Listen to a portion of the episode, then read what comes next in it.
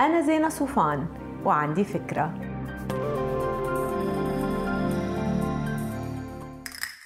هاي. في شوية قرارات بنضل نأجل فيها بس بعد سنوات بندفع ثمن هيدا التأجيل كتير غالي. الندم المالي هو نتيجة حتمية لتأجيل عدد من الأمور. أول شيء اللي بفكر إنه فلوسه مش حرزانين ليعمل لهم ميزانية بيكون عم يرتكب غلط كبير وبالأغلب ما بيصير عنده فلوس كتير لأنه جهاز الضبط المالي عنده معطل.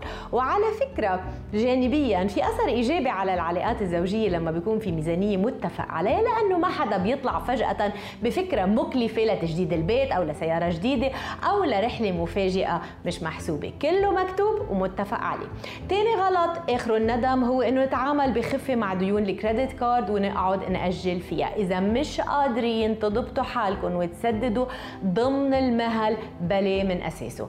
غلط ثالث بيندموا عليه ناس كتير هو إنه يأجلوا الاستشارة المالية لبعد القرار. يعني مثلا بيشتروا منتج مالي بدون ما يفهموا طبيعته تماما وكل جوانبه ومصاريفه أو إنه يخوضوا عالم الاستثمار بدون معرفة سابقة أو بدون استشارة الخبراء.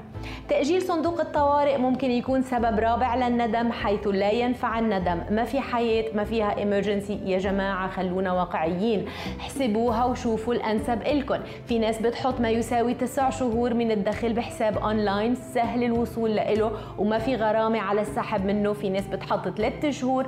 كونه زوجين بيشتغلوا وبالتالي الوضع المالي مسنود بمرتبين مش واحد. المهم يكون في صندوق للطوارئ قبل ما يحصل لا سمح الله الأمر الطارئ. خامس نقطة اللي تأجيل التفكير فيها ثمنه غالي كتير هي التقاعد.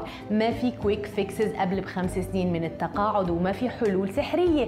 لما نجي بالآخر نفكر بشي كان لازم نخطط له بالأول التكلفة كتير رح تكون عالية ورح نضطر نضحي بوقت نحن مفروض كتير نكون فيه مرتاحين بعد سنين طويلة من الجري والعمل. العمل ما تنسوا تعملوا download للفكرة تعطوها rating وتساعدوني بنشرة. باي